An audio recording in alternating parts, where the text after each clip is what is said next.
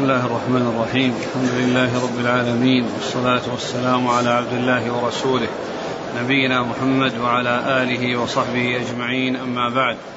فيقول الإمام الحافظ عبد الغني بن عبد الواحد المقدسي في كتابه العمدة عمدة الأحكام قال باب المسح على الخفين. عن المغيرة بن شعبة رضي الله عنه أنه قال كنت مع النبي صلى الله عليه وسلم في سفر فأهويت لأنزع خفيه فقال دعهما فإني أدخلتهما طاهرتين فمسح عليهما. بسم الله الرحمن الرحيم الحمد لله رب العالمين وصلى الله وسلم وبارك على عبده ورسوله نبينا محمد وعلى آله وأصحابه أجمعين أما بعد. فيقول الإمام الحافظ عبد الغني بن عبد الواحد المقدسي رحمه الله باب في المسح على الخفين. المسح على الخفين جاءت فيه الأحاديث المتواترة عن رسول الله صلى الله عليه وسلم. وقد كثرت فيه الأحاديث حتى وصلت إلى ما يقرب آه، من أحاديث أربعين صحابيا يروونها عن رسول الله صلى الله عليه وسلم. فالاحاديث فيه متواترة. والمسح على الخفين هو من العلامات الواضحة لأهل السنة. ولهذا يذكرها بعضهم في العقائد من أجل بيان مخالفتهم لأهل البدع الذين اشتهروا بعدم المسح على الخفين. ولهذا يقول يقولون في بعض كتب العقائد ونرى ويرون غسل الرجلين والمسح على الخفين في الحضر والسفر كما جاء في الأثر. وهذا موجود في بعض كتب العقائد المختصرة. فصار هذا شعارا لأهل السنة وعلامة لأهل السنة أنهم يأخذون بما جاء عن الرسول عليه الصلاة والسلام من هذه الرخصة. ومن جملة الأحاديث التي آه، جاءت في على الخفين حديث المغيرة بن شعبة رضي الله تعالى عنه وكان مع النبي صلى الله عليه وسلم في سفر وفي منصرفهم من غزوة تبوك وكان النبي عليه الصلاة والسلام تأخر عن أصحابه وقضى حاجته وجاءه المغيرة بن شعبة بماء وكان عليه جبة يعني غليظة فتوضأ عليه الصلاة والسلام والمغيرة يفرغ عليه ولما أراد أن يظهر يديه لغسلهما من أكمام الجبة لم تتسع لضيقها فأدخلهما وأخرجهما من تحت من تحت الجبة ثم لما وصل إلى الرجلين وكان وكانتا مغطى مغطى مغطى مغطاتين بالخفين أهوى المغيرة بن شعبة على الخفين لينزعهما أي كأنه يريد أن أن أن الرسول صلى الله عليه وسلم يغسلهما. فالرسول عليه الصلاة والسلام قال دعهما يعني لا تنزعهما بل اتركهما على ما هو عليه فإني أدخلتهما طاهرتين أدخلتهما فإني فإني أدخلت الرجلين فيهما طاهرتين. فدل هذا على أن على على المسح آه، على الخفين وأن المسح إنما يكون إذا كان إذا لبس على طهارة. لأنه قال أدخلتهما طاهرتين. وأيضا الطهارة لا بد أن تكون بعد كمالها وتمامها بأن يفرغ من جميع أعضاء الوضوء وآخرها غسل الرجل اليسرى. فإذا فرغ من أعضاء الوضوء المنتهية بغسل الرجل اليسرى فإنه عند ذلك يلبس الخفين ويمسح عليهما.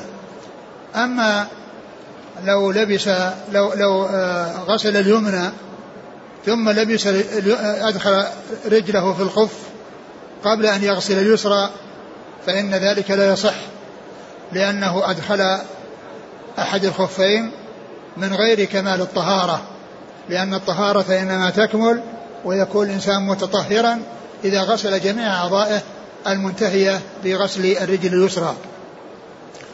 فلا يجوز للإنسان أن آه، يدخل رجله اليمنى بعد أن يغسلها وقبل أن يغسل اليسرى وإنما يدخل اليمنى بعد أن يغسل اليسرى ثم يدخل اليسرى فيكون بذلك لبسهما على الطهارة. ولهذا قال عليه الصلاة والسلام فإني أدخلتهما طاهرتين يعني أنه لما أدخل الخفين في الرجل الرجلين في الخفين فإنه كان على وضوء وكان على طهارة صلوات الله وسلامه وبركاته عليه. وهذا هو الذي يكون معه المسح. أما لو لبسهما على غير طهارة لحاجة فإنه عند الوضوء لا بد أن يخلعهما لأن المسح لا يكون إلا إذا لبسهما على غير طهارة. إذا لبسهما على طهارة. أما كونه يلبسهما من أجل الاستدفاء وهو على غير طهارة ثم يأتي الوضوء فلا بد من خلعهما. لأن المسح لا يكون إلا إذا لبسهما على طهارة وأيضا لا بد أن تكون الطهارة كاملة كما عرفنا. وفيه يعني آه، خدمة يعني أن الإنسان مساعدة المساعدة للغير بالوضوء وذلك بأن يفرغ عليه وأن يصب عليه ويتوضأ فذلك سائغ ولا بأس به. وقد فعله المغيرة بن شعبة مع رسول الله صلوات الله وسلامه وبركاته عليه. نعم. وعن حذيفة بن اليمان. والخف والخف هو ما يتخذ من الجلد للرجلين ولا بد أن يكون يعني آه أن يكون ساترا لأعضاء الوضوء يعني ساترا للرجلين وأن يكون مغطيا الكعبين. أما إذا كان قد بدأ الكعبان أو أحدهما فإنه لا يمسح عليه لأنه لا بد أن يكون ساترا لمحل الفرض ساترا للمحل المفروض غسله وهو الكعبان بحيث يكون الكعبان مغطيين. وأيضا آه، مثل الخفين الجوارب الجوارب التي آه، آه، تتخذ من القطن أو من الصوف فإنها مثل مثل الخفين وتعامل معاملة الخفين في المسح. وقد جاء في ذلك حديث عن رسول الله عليه الصلاة والسلام وجاء فيه أقوال عن أكثر من عشرة, عشرة من الصحابة عن ثلاثة عشر وأربعة عشر من أصحاب الرسول عليه الصلاة والسلام أنهم كانوا يمسحون على الجوارب. فإذا المسح على الخفين وعلى الجوارب كل ذلك ثابت وكل ذلك حق ويعمل به. نعم. وعن حذيفة بن اليمان رضي الله عنهما أنه قال كنت مع النبي صلى الله عليه وسلم فبال فتوضأ ومسح على خفيه. مختصر. ثم ذكر حديث حذيفة رضي الله عنه وذكر أنه ذكره باختصار وأنه كان مع النبي صلى الله عليه وسلم فبال يعني نقض الوضوء ثم إنه توضأ ومسح على الخفين ثم إنه توضأ بعدما بال ومسح على الخفين. فإذا حديث أبي حديث حذيفة بن اليمان رضي الله عنهما من جملة الأحاديث المتواترة الثابتة عن رسول الله صلى الله عليه وسلم في المسح على الخفين. نعم. قال رحمه الله تعالى باب في المدي وغيره. عن علي بن أبي طالب رضي الله عنه أنه قال كنت رجلا مذاء فاستحييت أن أسأل رسول الله صلى الله عليه وسلم لمكان لمكان ابنته لمكان ابنته فأمرت المقداد رضي الله عنه فسأله فقال يغسل ذكره ويتوضأ وللبخاري اغسل ذكرك وتوضأ ولمسلم توضأ وانضح فرجك. ثم ذكر بعد ذلك باب في المذي وغيره. هذه الترجمة معقودة لعدة أمور يعني منها المذي ومنها الشك في الحدث ومنها يعني أمور أخرى أشار إليها بقوله وغيره. فإنه ذكر أول أول حديث وهو المتعلق بالمذي وعقد الترجمة للمذي وغيره واكتفى عن عن ذكر الأمور الأخرى التي هي مع المذي في هذا الباب بقوله وغيره. وهذه طريقة يتخذها بعض العلماء عندما يريد أن لا يكثر التراجم وإنما يريد أن يقللها فإنه يأتي بموضوعات متعددة ولكنه يشير إلى أولها ويعطف على ذلك بقوله وغيره. يعني باب كذا وغيره. هذا يستعمله المحدثون يعني في آه، كتبهم في فيقولون مثل هذه العبارة.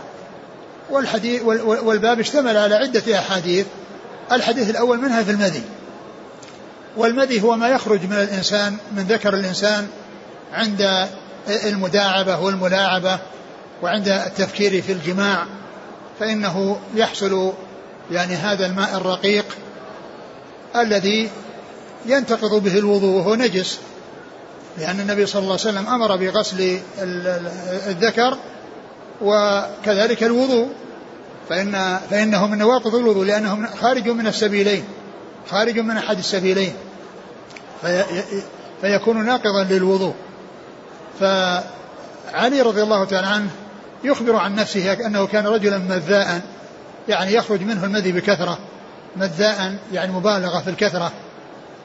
واستحيا أن يسأل الرسول صلى الله عليه وسلم وذلك لمكان ابنته منه لأنه زوج ابنته فاطمة رضي الله تعالى عنها.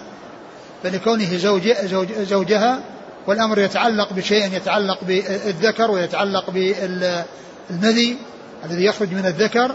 استحى أن, أن, أن يباشر السؤال من رسول الله صلى الله عليه وسلم فأمر غيره أن يسأل فأمر المقداد أن يسأل. وقد جاء في بعض الأحاديث أنه أن السؤال جاء يعني أنه سؤال عن إنسان.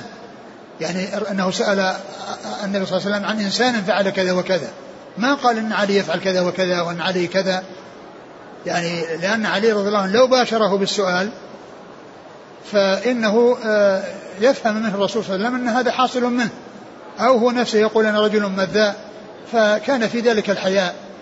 وحتى لو سأله وقال آه، آه، ماذا تقول في الرجل الذي يحصل منه كذا وكذا فقد يفهم منه هذا الشيء. ولكنه أراد أن يكون مباشرة هذا السؤال من غيره. وقد جاء في بعض الروايات في صحيح مسلم أن أن المقداد سأله عن إنسان فعل كذا وكذا أو عن رجل يفعل كذا وكذا. فالنبي صلى الله عليه وسلم قال يغسل ذكره ويتوضأ. ف فهذا فيه يعني الأدب يعني أدب علي رضي الله عنه مع الرسول صلى الله عليه وسلم وعدم مباشرته بالسؤال لشيء يتعلق بما يخرج منه في بسبب المداعبة والملاعبة أو التفكير. ولم واستحي استحي أن يسأل الرسول عليه الصلاة والسلام. وأن يباشره بهذا السؤال فسأله المغيرة فسأله المقداد بن الأسود وقال يغسل ذكره ويتوضأ. وجاء في سنن أبي داود بإسناد صحيح آه، يغسل ذكره وأنثيه يغسل ذكره وأنثيه ويتوضأ. آه، اقرأ الحديث. قال وللبخاري اغسل ذكرك وتوضأ. اغسل ذكرك وتوضأ. نعم. ولمسلم توضأ وانضح فرجك. ولمسلم توضأ وانضح فرجك. يعني هنا جاء ذكر النضح وجاء في بعض الروايات الغسل والنضح يراد به الغسل إلا أنه يكون غسلا خفيفا إلا أنه يكون غسلا خفيفا. فقد جاء التعبير بالنضح وجاء التعبير بالغسل ويعني آه، معناهما واحد. نعم.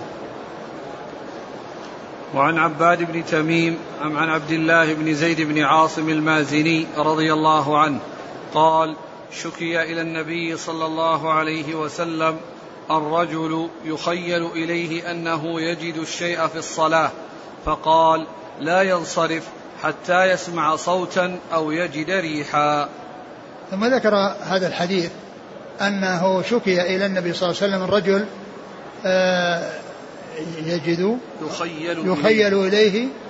أنه يجد الشيء يخيل إليه أنه يجد الشيء في الصلاة. يعني يجد آه، آه، شيئا خارجا منه. أو يحس يعني كأنه خرج منه شيء. يخيل إليه تخييل. أنه حصل منه شيء خارج من دبره. يعني فالرسول عليه الصلاة والسلام أخبر بأنه لا ينصرف وإنما يبقى. لأن هذا شك والطهارة متحققة ولا ينتقل عن الأمر المحقق إلا بأمر محقق فإنه يبقى ويستمر على طهارته حتى حتى يتحقق حصول الحدث. وهذا يدل على قاعدة من القواعد الشرعية وهو البقاء على الأصل المتحقق حتى يأتي ما يتحقق خلافه. فمن تحقق الطهارة وشك في الحدث فهو على طهارة. وإن شك وإن كان محدثا وشك هل توضأ أو ما توضأ فهو غير متوضأ عليه أن يتوضأ.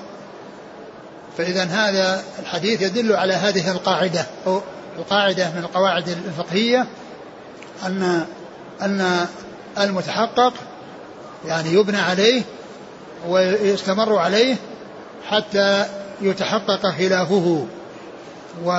فمن تحقق الطهارة مثل هذا الذي دخل في الصلاة ومثل هذا الذي هو متوضئ ولكنه شك هل أحدث أو لم يحدث هل حصل منه ولا ما حصل منه؟ فالأصل أنه باق على طهارته. حتى يسمع صوتا للخارج أو يشم ريحا للخارج لأن ما يخرج من الإنسان إما أن يكون له صوت وإما أن يكون بدون صوت. فالصوت يسمع والخارج وما كان بصوت أو بدون صوت فإنه يشم وما كان بصوت أو بدون صوت فإنه يشم وقال لا ينصرف حتى حتى يسمع صوتا أو يجد ريحا. يعني حتى يسمع صوتا لما خرج من دبره أو يجد ريحا يشمها لما خرج من دبره. فعند ذلك يترك أو أو ينصرف من صلاته ويتوضأ ويصلي. أما إذا كان مجرد شك ولم يتحقق بمثل هذه الأمور التي بينها الرسول عليه الصلاة والسلام فإنه باق على على طهارته وباق على وضوئه ولا ينصرف إلا إذا تحقق ما يكون خلاف آه، اليقين السابق بأن يأتي يقين آخر يحل محله ويقوم مقامه. فمن تحقق الطهارة وشك في الحدث فإنه باق على طهارته. ومن ومن كان حدثه متحققا وشك هل توضأ بعد الحدث أو لم يتوضأ فإنه محدث. ويعني وغير متطهر ويجب عليه أن أن يتطهر. نعم. وعن أم قيس بنت محصن الأسدية رضي الله عنها أنها أتت بابن لها صغير لم يأكل الطعام إلى رسول الله صلى الله عليه وسلم فأجلسه رسول الله صلى الله عليه وسلم في حجره فبال على ثوبه فدعا بماء فنضحه ولم يغسله ثم ذكر هذا الحديث عن أم قيس بنت محصن الأسدية رضي الله عنها أخت عكاشة بن محصن رضي الله تعالى عنه أنها جاءت بابن لها صغير لم يأكل الطعام. يعني إنما غذاؤه اللبن ولم يتغذى بالطعام. فأجلسه النبي صلى الله عليه وسلم في حجرة. فبال فالرسول عليه الصلاة والسلام دعا بماء فرشه ولم يغسله. فرشه ولم يغسله. يعني معناها أن النجاسة مخففة ولهذا اكتفي, اكتفي فيها بالرش ولم يحصل الغسل. الذي هو أكثر من الرش والذي هو أعظم من الرش فالحديث يدل على ما كان عليه الرسول صلى الله عليه وسلم من الأخلاق الكريمة ومن الرفق بالصغار والاستئناس بهم و فإنه أخذ هذا الصبي ووضعه في حجره عليه الصلاة والسلام. فكان هذا الطفل بالا فالرسول عليه الصلاة والسلام طهر هذا البول برشه فدل ذلك على أن الغلام يرش من بوله وأن نجاسته مخففة ليست كنجاسة الأنثى لأنه جاء في الحديث كما سيأتي يرش من بول الغلام ويغسل من بول الجارية. يرش من بول الغلام ويغسل من بول الجارية. نعم. وعن عائشة رضي الله عنها أن رسول الله صلى الله عليه وسلم أتي بصبي فبال على ثوبه فدعا بماء فأتبعه إياه ولمسلم فأتبعه بوله ولم يغسله. وهذا الحديث عن عائشة رضي الله عنها وهو تقول أتي النبي صلى الله عليه وسلم بغلام فيحتمل أن يكون هو الغلام الذي في حديث قصة أم قيس وأن يكون غيره. وأن يكون غيره. ورواية عائشة رضي الله عنها مثل رواية أم, أم, قيس بنت محصن. الرسول صلى الله عليه وسلم لما بال الغلام في حجره رشه ولم يغسله وإنما رش عليه الماء رشا ولم يغسله غسلا. فدل ذلك على أن الصبيان اللي هم الذكور الذين لم يأكلوا الطعام ولم يتغذوا بالطعام فإنه يرش من بولهم ولا يغسل. أما إذا أكل الطعام وتغذى بالطعام فإنه يغسل ولا يكتفى بالرش ولهذا قال لم يأكل الطعام. والمقصود الطعام أنه يتغذى به وليس المقصود أي شيء يدخل إلى جوفه من الطعام لأن الصبي عندما يحنك في أول ولادته يدخل في جوفه شيء من الطعام لكنه ما تغذى به. ليس ليس غذاء وإنما وضع من أجل أن يدخل فيه ذلك الحلو الذي يباشر جوفه ويدخل إلى جوفه فيدخله شيء فيه حلاوة وهو حلاوة التمر التي كان النبي صلى الله عليه وسلم آه، آه، يفعل ذلك مع صغار الصحابة مثل ما فعل ذلك مع عبد الله بن الزبير لما ولد في في أو أول من ولد بعد هجرة الرسول صلى الله عليه وسلم فإنه أتي به عليه الصلاة والسلام وعمل له ذلك بحيث أنه آه، مضى التمر ووضعه في حلقه وضعه صلى الله عليه وسلم في حلق عبد الله بن الزبير رضي الله تعالى عنهما. نعم. وعن أنس بن مالك رضي الله عنه أنه قال جاء أعرابي فبال في طائفة المسجد فزجره الناس فنهاهم النبي صلى الله عليه وسلم. فلما قضى بوله أمر النبي صلى الله عليه وسلم بذنوب من ماء فأهريق عليه. ثم ذكر هذا الحديث عن أنس. عن أنس رضي الله عنه أن اعرابيا جاء وبال في طائفة المسجد. طائفة يعني ناحية من نواحيه. فزجره الصحابة وانتهروه وصاحوا به لأن هذا أمر عظيم. المساجد يعني لابد أن تكون طاهرة وأن يبتعد فيها من النجاسات فلا يصلها نجاسة ولا يكون فيها نجاسة. وهذا الأعرابي جاء وبال. فالرسول عليه الصلاة والسلام نهاهم قال دعوه. وذلك أن البول قد وجد وما دام أن البول قد وجد فإن زجره وكونه يقوم وقد بدأ بالبول تصير المسألة أعظم مما لو جلس وأكمل بوله لأن البول قد وجد ولو قام وهو لم ينتهي بوله فإنه يحصل لبدنه ويحصل لأجزاء من الأرض أخرى. يصعب بعد ذلك الوصول إليها وغسلها. فالرسول صلى الله عليه وسلم أمرهم بأن يتركوه. أما لو كان لم يكن بدأ نعم يزجر حتى لا يبدأ. لأن المصلحة واضحة أو الفائدة واضحة في كونه ينهى. أما وقد بدأ فإنه يترك. لأنه لو قام لحصل أعظم مضرة مما قد حصل. لأن لأنه لما بال في مكان معين المكان محصور يمكن أن يطهر. لكن لو قام وانتشر البول يمينا وشمالا وعلى ثيابه و فإنه يحتاج إلى أن يبحث عن الأماكن التي مشى فيها حتى تغسل وحتى يصب عليها الماء. وهذا يدل على قاعدة من قواعد الشريعة وهي ارتكاب أخف الضررين في سبيل التخلص من أشدهما. يرتكب أخف الضررين في سبيل التخلص من أشدهما لأن كونه يبول في المسجد ضرر وكونه يقوم وقد بدأ البول وينتشر بوله في أجزاء من المسجد وعلى ثيابه ضرر أعظم. فالرسول عليه الصلاة والسلام أرشد إلى ارتكاب أخف الضررين في سبيل التخلص من أشدهما. وهذه أيضا كما قلت قاعدة من قواعد الشريعة. إذا كان هناك ضرران محققان وحاصلان فإنه يرتكب أخف الضررين ليتخلص من أشدهما ويتخلص من أعظمهما. ثم إنه صلى الله عليه وسلم طلب ذنوبا من ماء وهو دلو يعني فيها ماء فصبه عليه أو أمر بصبه عليه.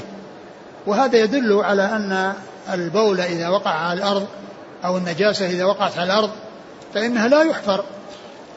لا يحفر التراب ولا ينبش التراب ثم يخرج وإنما يكاثر الماء على ذلك المكان حتى يطهر. يعني يصب عليه الماء ويكاثر حتى يحل آه، الماء. يعني يعني حتى يأتي الماء على النجاسة فيقضي عليها ويكون الماء طاهرا. ف وهذا يدل على يعني كيفية تطهير الأراضي. أو المكان المتنجس من الأرض فيما إذا كان ترابا فإنه يصب عليه ويكاثر وإذا كان أيضا يعني بلاطا وما ذلك فإنه يصب عليه ويمسح حتى يتحقق أنه قد زال ذلك الأثر الذي حصل بسبب البول. أعد الحديث. جاء أعرابي فبال في طائفة المسجد فزجره الناس فنهاهم النبي صلى الله عليه وسلم فلما قضى فلما قضى بوله أمر النبي صلى الله عليه وسلم بذنوب من ماء فأهريق عليه. نعم.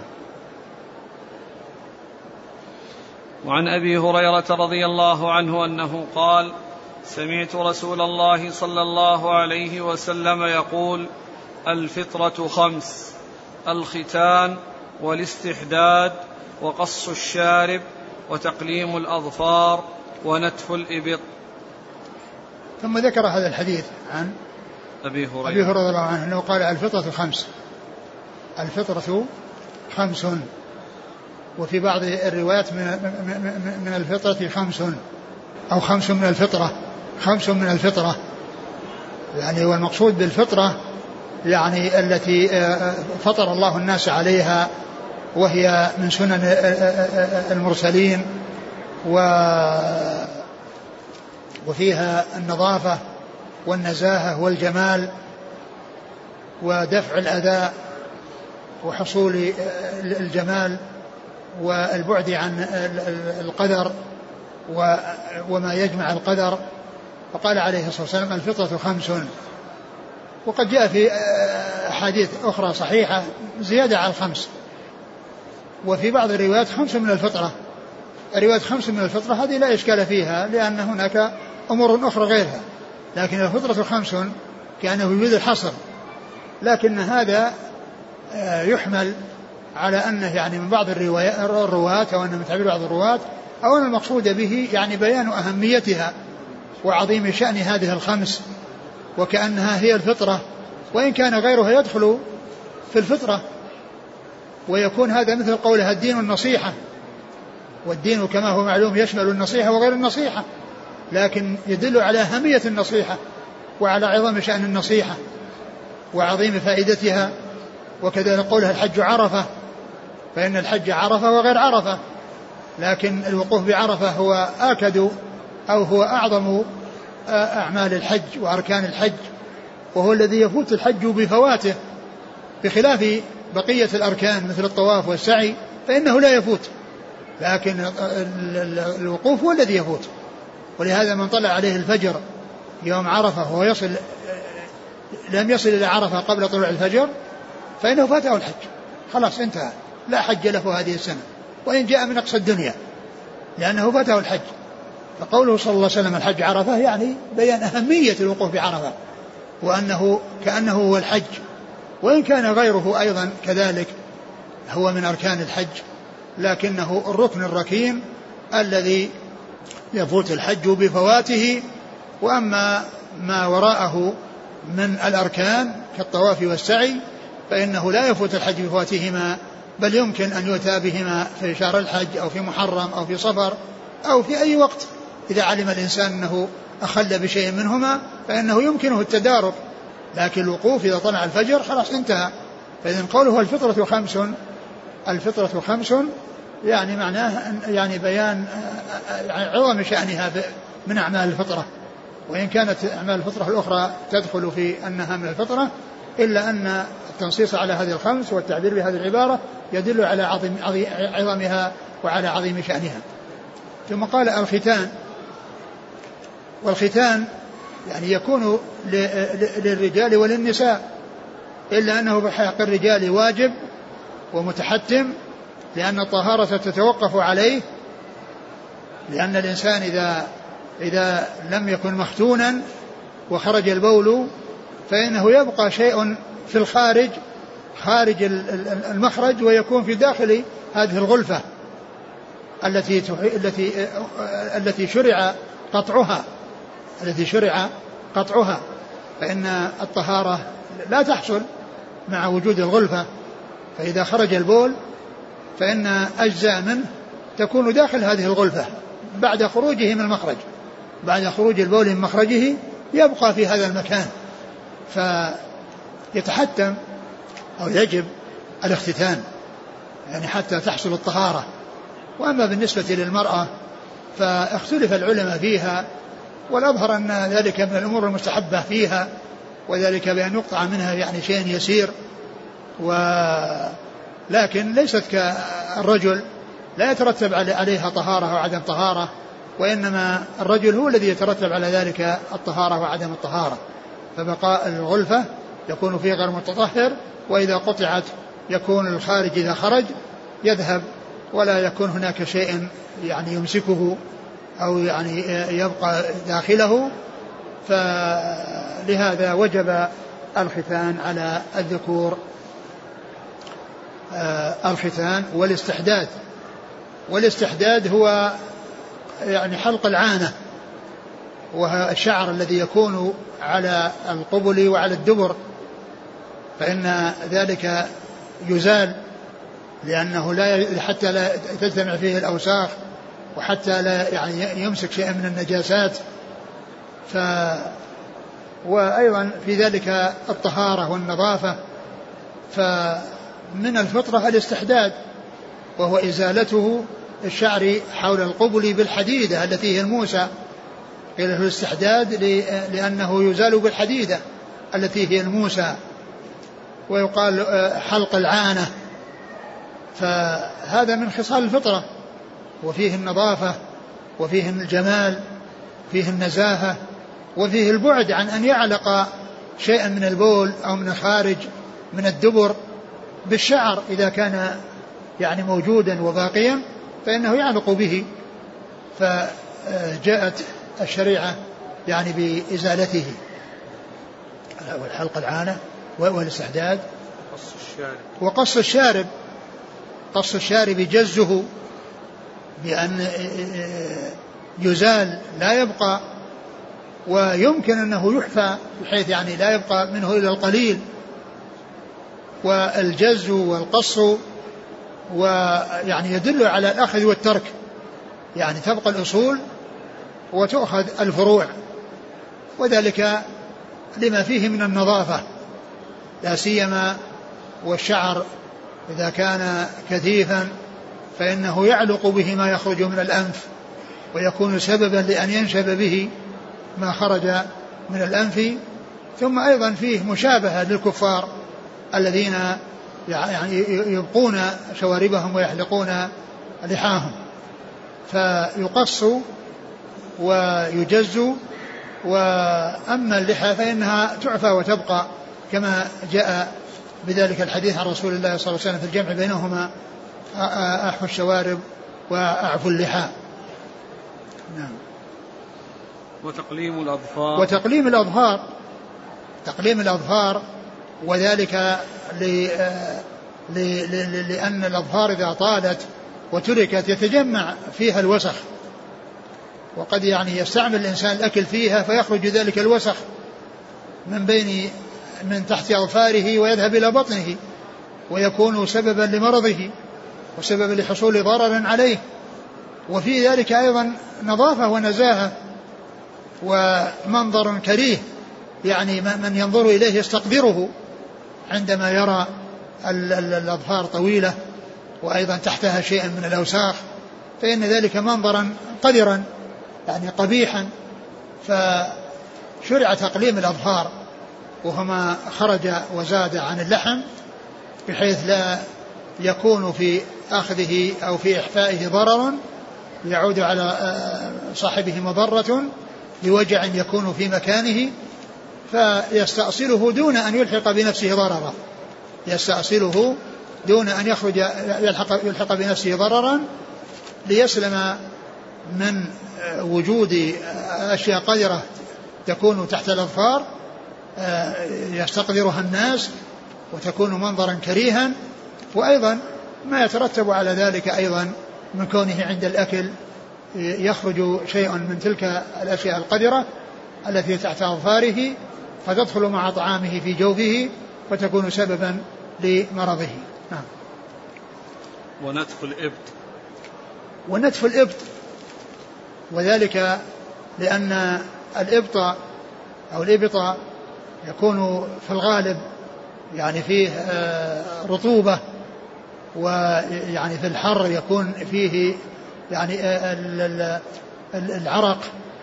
فيكون الشعر يعني فيه يكون له رائحة كريهة فجاءت الشريعة بنتفه وإزالته وذلك بالنتف والنتف هو الأولى. ولكن إذا كان يعني يصعب نتفه وأراد أن يحلقه فله أن يحلقه لأن المقصود هو إزالته. ولكنه إذا زال بالنتف يكون أولى من الإزالة بالحلق لأن الحلق إذا حصل حلقه يخرج بغلظة وبقوة بخلاف النتف فإنه آه، يطول أو آه، يعني لا يخرج إلا بعد مدة وإذا خرج وإذا هو ضعيف. ليس مثل الشعر الذي يخرج بعد الحلق فإنه يكون فيه قوة يعني ويكون فيه شدة. ف فلكون هذا المكان مما يصيبه العرق وتحصل فيه الرائحة التي تستكره فإذا كان الشعر موجودا يعني يكون يعني أشد يعني في خروج تلك الرائحة الكريهة التي تكون آه، في ذلك المكان. نعم. قال رحمه الله تعالى باب وهذا, وهذا الباب كما عرفنا المذي وغيره. وقد مر فيه يعني قضية الرجل الذي يخيل إليه أنه يخرج منه شيء ولا فما يفعل. وكذلك النضح من بول الغلام والغسل من بول الجارية وكذلك أيضا فيما يتعلق بال ب الحديث اللي بعده كيف؟ لا الحديث الأخرى التي التي جاءت في الباب في المذي في من شك وهو طاهر في الطهارة نعم. في بول الغلام. أيوة في بول الأعرابي. بول الأعرابي. أيوة بول الأعرابي في المسجد والفطرة. نعم. كل هذه داخلة تحت كلمة وغيره. لأنه قال باب في المذي وغيره. نعم. هذه من الأشياء التي الإنسان لا يهتدي إليها لو أراد أن يبحثها في فهرس. أراد أن يبحثها في فهرس من أجل يحصل هذا الحديث أو يحصل ما يتعلق بهذا ما يهتدي إليه بسهولة. نعم. لكن بخلاف ما إذا وجد باب المذي باب كذا باب كذا فإنه يهتدي إليه بسهولة. لكن يفعل ذلك بعض المحدثين حتى لا تكثر تكثر الأبواب وحتى يكون الاختصار. ولهذا الإمام مسلم رحمة الله عليه ما عمل لكتابه الصحيح أبوابا لأنه يريد أن لا يح... حتى لا يكبر حجم الكتاب بهذه الأبواب ولكنه بحكم مبوب. لأنه جمع كل أحد يتعلق بموضوع واحد في مكان واحد فكأنه مبوب وإن لم يضع له أبوابا فإذا أحيانا يكون ترك الأبواب للاختصار مثل ما فعل مسلم رحمه الله فإن كتابه ليس فيه أبواب وإنما فيه كتب فقط كتاب الطهارة كتاب الإيمان كتاب كذا كتاب كذا وأما باب كذا وباب كذا فليس هذا من عمل مسلم وإنما هو من عمل العلماء من بعده. والنووي رحمه الله وضع ذكر أنه وضع تراجم لهذه الأبواب وهي موجودة في موضوعة في بعض المتون أو في كثير من المتون التي آه، طبع فيها صحيح مسلم الأبواب فعل النووي وليست فعل مسلم رحمه الله وإنما هي من عمل النووي. ولهذا في كتاب آه، حاشية النووي على مسلم الأبواب في الحاشية لأن فوق الكتب والحديث وأما في الحاشية فيها الأبواب. ليست الأبواب عند النووي في حاشيته على مسلم في داخل الصحيح وإنما هي في الحاشية. فإنه آه، يذكر الباب ويذكر الأحاديث التي تتعلق به أو شرح الأحاديث التي تتعلق به. وأما المتن فإنه فوق ليس فيه ذكر إلا ذكر الكتب فقط. نعم. قال رحمه الله تعالى باب الجنابة. عن أبي هريرة رضي الله عنه أن النبي صلى الله عليه وسلم لقيه في بعض طرق المدينة وهو جنب. قال فانخنست منه فذهبت فاغتسلت ثم جئت. فقال أين كنت يا أبا هريرة؟ قال كنت جنبا فكرهت أن أجالسك فكرهت أن أجالسك وأنا على غير طهارة. فقال سبحان الله إن المؤمن لا ينجس.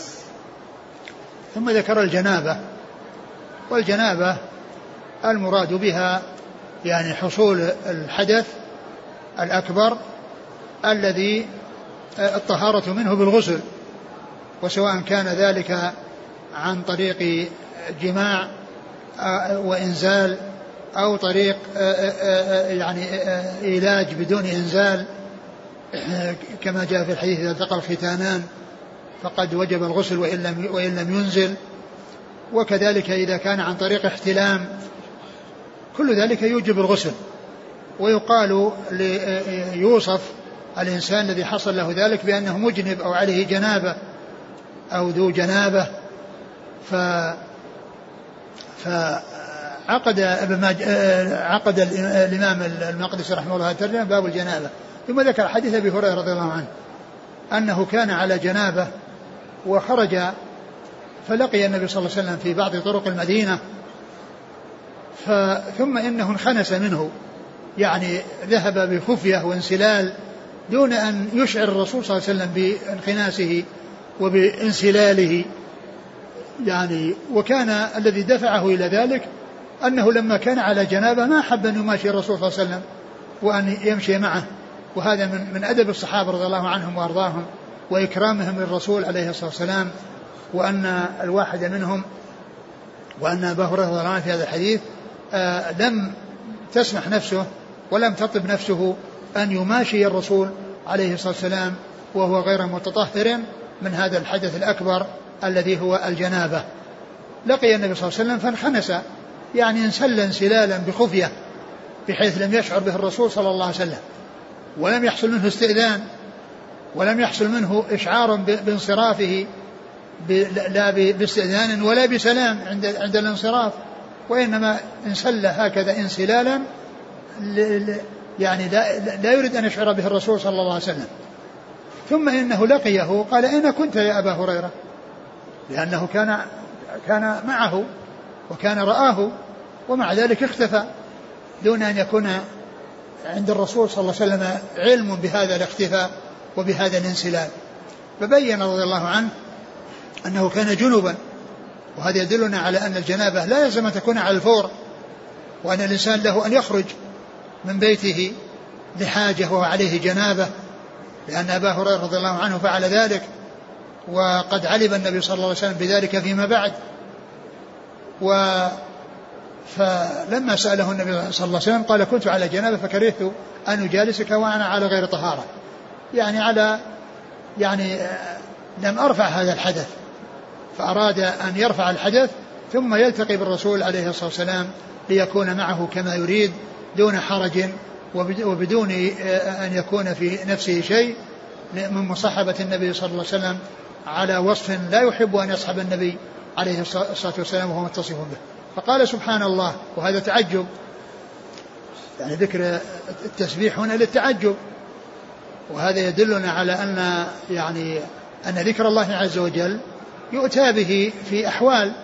يؤتى به آه، ذكرا مقصودا ويؤتى به بمناسبة وهو ذكر لله عز وجل. ويكون التعجب بما فيه ذكر الله عز وجل. مثل ما أن التكبير يؤتى به بما فيه في حال فرح وسرور يؤتى بالتكبير فكذلك يؤتى عند التعجب بسبحان الله كما فعل ذلك رسول الله عليه الصلاة والسلام. والتكبير كما جاء عن الصحابة رضي الله عنهم وأرضاهم أنهم إذا حدثهم النبي صلى الله عليه وسلم أو حصل شيء يسرهم فإنهم يكبرون. كما حدث ثبت عن رسول الله عليه الصلاة والسلام أنه قال أرجو أن تكونوا نصف أهل الجنة أن تكونوا ثلث أهل الجنة وكل مرة يقول الله أكبر الله أكبر. يعني فرحا وسرورا. كذلك عمر رضي الله عنه لما جاء لما علم أن النبي صلى الله عليه وسلم لما أشيع بأن النبي عليه الصلاة والسلام طلق نساءه جاء إليه ووجده في مكان انعزل به أو اعتزل نساءه وكان مهتما آه، متأثرا جدا من هذا الذي سمعه وأشيع. فجاء إلى النبي صلى الله عليه وسلم وقال أول ما فاتحه قال يا رسول الله بعدما سلم عليه قال يا رسول الله أطلقت نساءك؟ قال لا. فقال عمر الله أكبر. يعني فرحا وسرورا بهذا الخبر وهو كون النبي صلى الله عليه وسلم ما طلق, ما, ما طلق نساءه. فقال سبحان الله تعجبا. ثم قال إن المؤمن لا ينجس. ما قال إنك لا تنجس وإنما أتى بعبارة عامة تشمله وتشمل غيره. إن المؤمن لا ينجس. يعني فالإنسان الجنب يعني آه، لا لا يكون على جسده نجاسة.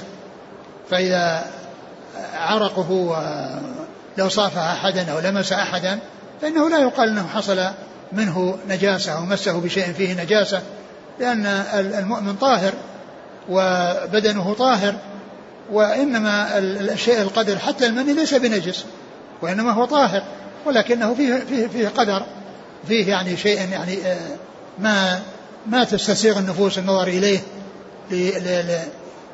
فقال سبحان الله إن المؤمن لا ينجس.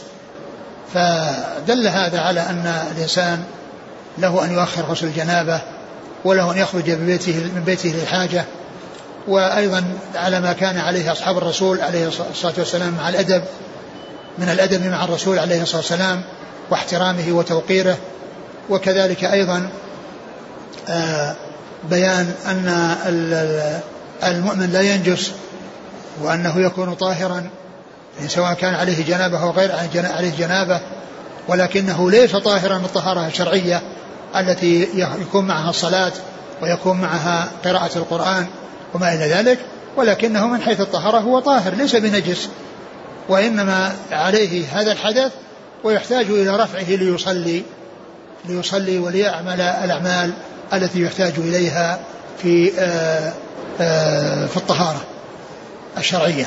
نعم.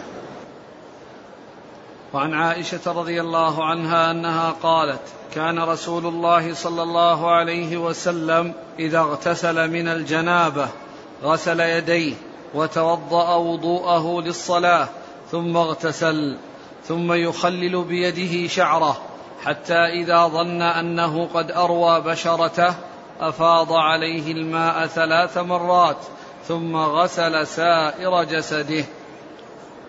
ثم ذكر حديث عائشة رضي الله عنها في كيفية الغسل للرسول عليه الصلاة والسلام وأنه كان إذا أراد أن يغتسل يعني أفرغ على يديه من الماء وغسلها وغسلها خارج الإناء ثم إنه يتوضأ وضوءه للصلاة. وضوءه للصلاة. ثم يغسل رأسه ويرويه وكذلك يعني يخلل شعره ليدخل الشعر ليدخل الماء إلى الأصول ثم يفيض الماء على سائر جسده ثم يفيض الماء على سائر جسده ويكون بذلك تطهر الطهارتين الكبرى والصغرى. الحدث الأكبر رفع الحدث الأكبر والأصغر. إلا أن الإنسان يرتفع حدثه الأصغر إذا لم يمس ذكره بعد بعد الوضوء فإنه إن مس ذكره في أثناء في أثناء الاغتسال فإنه يكون آه، لمس ذكر ينقض الوضوء كما جاء في حديث طلق بن علي في حديث بسرة بن صفوان كما جاء في حديث بسرة بن صفوان فيكون الإنسان رفع الحدثين الأصغر والأكبر لكن بشرط ألا يكون يعني مس ذكره في حال اغتساله بعد أن توضأ. قال أعد. كان رسول الله صلى الله عليه وسلم إذا اغتسل من الجنابة غسل يديه. كان رسول الله صلى الله عليه وسلم إذا اغتسل من الجنابة كان الغالب أنها تفيد الاستمرار والدوام. يعني هذا شأنه وهذه عادته وهذه طريقته. أنه إذا إذا اغتسل يفعل كذا وكذا. وقد تأتي لا يراد بها الدوام والاستمرار. ومن ذلك حديث عائشة رضي الله عنها في الحج حيث قالت كنت أطيب رسول الله صلى الله عليه وسلم لإحرامه قبل أن يحرم ولحله قبل أن يطوف بالبيت. كنت أطيبه لإحرامه قبل أن يحرم ولحله قبل أن يطوف بالبيت. ومعلوم أن أن الجملة الأخيرة وهي قول لحله قبل أن يطوف بالبيت ما تكررت لأن الرسول صلى الله عليه وسلم ما حج إلا مرة واحدة وما حصل هذا منها إلا مرة واحدة ومع ذلك استعملت فيه كان. فدل هذا على أن كان تأتي لغير الاستمرار والدوام وأن الأكثر ورودها في ذلك. كان رسول الله يفعل كذا كان يفعل كذا كان يفعل كذا الغالب أنه يراد بها حصول الاستمرار وحصول الدوام والكثرة وأنها قد تأتي لعدم الاستمرار كما في الحديث الذي أشرت إليه حديث ذهب الحج. نعم. كان. إذا اغتسل من الجنابة غسل يديه. غسل يديه يعني خارج الإناء الذي يتوضأ به الذي يغتسل منه. نعم. وتوضأ وضوءه للصلاة. نعم. ثم اغتسل. وتوضأ وضوءه للصلاة. كلمة وضوءه هنا مضمومة لأن المراد بها الفعل. المراد بها الفعل وليس الماء. لأنه كما عرفنا أنه إذا كان مفتوحا إذا كانت مفتوحة يراد بها نفس الماء المستعمل. وإذا كانت مضمومة يراد بها نفس الاستعمال. قال توضأ وضوءه للصلاة. توضأ يعني الفعل والهيئة والكيفية. ويكون يغسل وجهه ويتمضمض ويغسل وجهه ويديه. المرفقين ويمسح رأسه ويغسل رجليه إلى الكعبين هذه آه، هي فعل الوضوء توضأ وضوءه للصلاة. نعم. ثم اغتسل ثم يخلل بيده شعره. ثم اغتسل يخلل بيده شعره. يعني بالأصابع. يعني شعر الرأس وشعر اللحية. يعني حتى يدخل إلى داخل الشعر وإلى أصول الشعر. نعم. حتى إذا ظن أنه قد أروى بشرته. أفاض عليه الماء ثلاث مرات أفاض عليه الماء ثلاث مرات يعني بحيث يصب الماء على سائر جسده ثلاث مرات وهذا كما هو معلوم هو الأكمل وإلا فإنه يحصل المقصود بمرة واحدة مستوعبة لجميع آه، الجسم نعم. ثم غسل سائر جسده نعم. وقالت سائر جسده يعني السائر هنا بمعنى البقية. السائر بمعنى البقية. لأنه يعني ال ال لأن فيه استعمال الوضوء وفيه استعمال الرأس وفيه كذا ثم غسل سائر جسده يعني بقية جسده. وسائر يراد بها الباقي. يعني يراد ولهذا السؤر ويقال السؤر هو البقية. وقد جاء عن بعض أهل اللغة أن السائر تطلق بمعنى الجميع. تطلق بمعنى الجميع. قد ذكر الحافظ ابن حجر في ترجمة الجوهري في كتابه لسان الميزان أنهم عابوا عليه أنه كان له كتاب في اللغة فعابوا عليه إدخال يعني إتيانه بكلمة سائر بمعنى الجميع. سائر بمعنى الجميع. ذكر ذلك في ترجمته في لسان الميزان. نعم. وقالت كنت أغتسل أنا ورسول الله صلى الله عليه وسلم من إناء واحد نغترف منه جميعا. وأخبرت أنها كانت تغتسل مع النبي عليه الصلاة والسلام في, في, في من إناء واحد. يغترفون منه جميعا. يدخل يده فيخرج وتدخل يدها فتخرج. يدخل يده فيخرج من الماء ويغتسل وتدخل يدها في الإناء وتخرج ماء تغتسل به. وفيه نظر كل من الزوجين إلى عورة صاحبه. نظر كل من الزوجين إلى عورة صاحبه وقد جاء في الحديث عنه صلى الله عليه وسلم أنه قال احفظ عورتك إلا من زوجتك وما ملكت يمينك. احفظ عورتك إلا من زوجتك وما ملكت يمينك. نعم.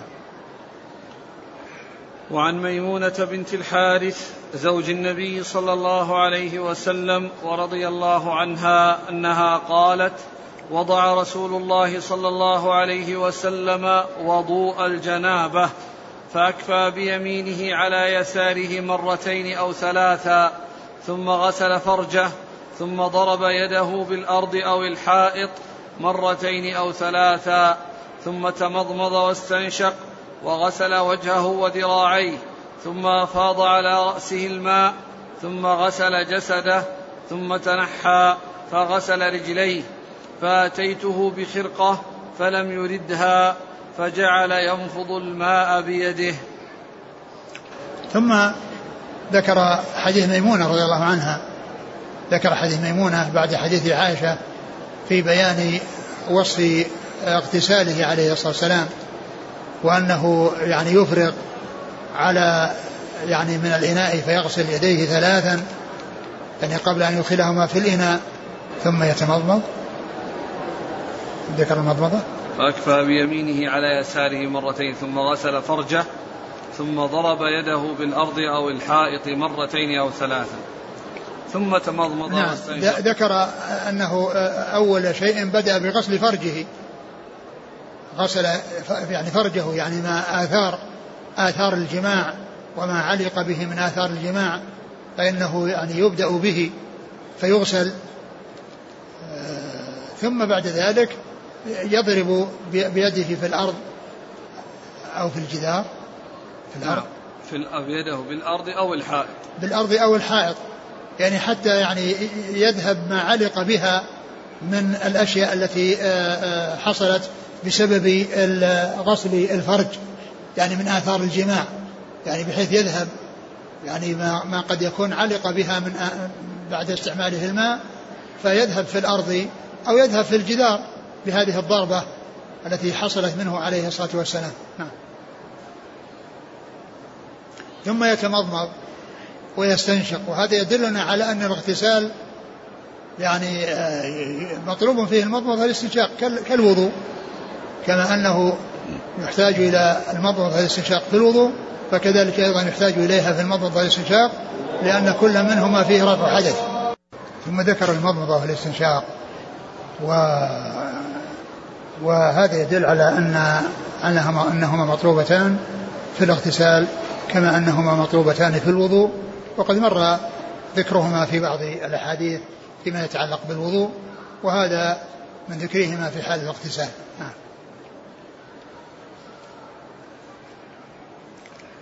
ثم أفاض على رأسه الماء ثم غسل جسده ثم تنحى فغسل رجليه فأتيته بخرقة فلم يردها فجعل ينفض الماء بيده.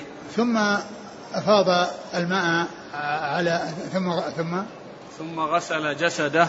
لا قبل. ثم أفاض على رأسه الماء. ثم أفاض على رأسه الماء.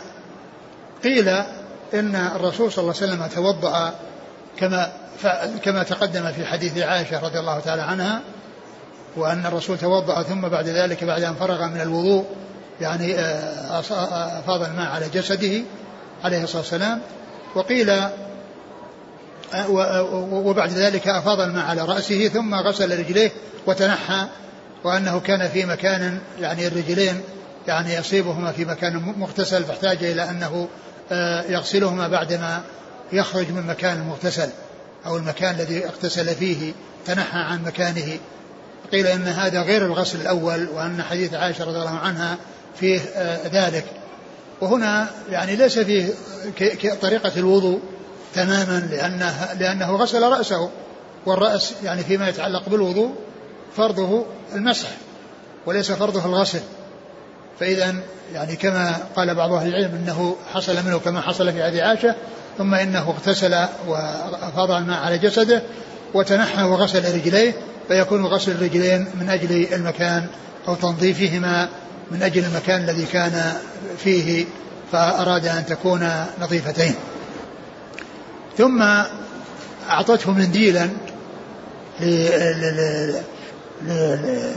ليتمسح به فلم يرد الخرقة لم يرد الخرقة وجعل ينفض الماء بيديه وجعل ينفض الماء بيديه.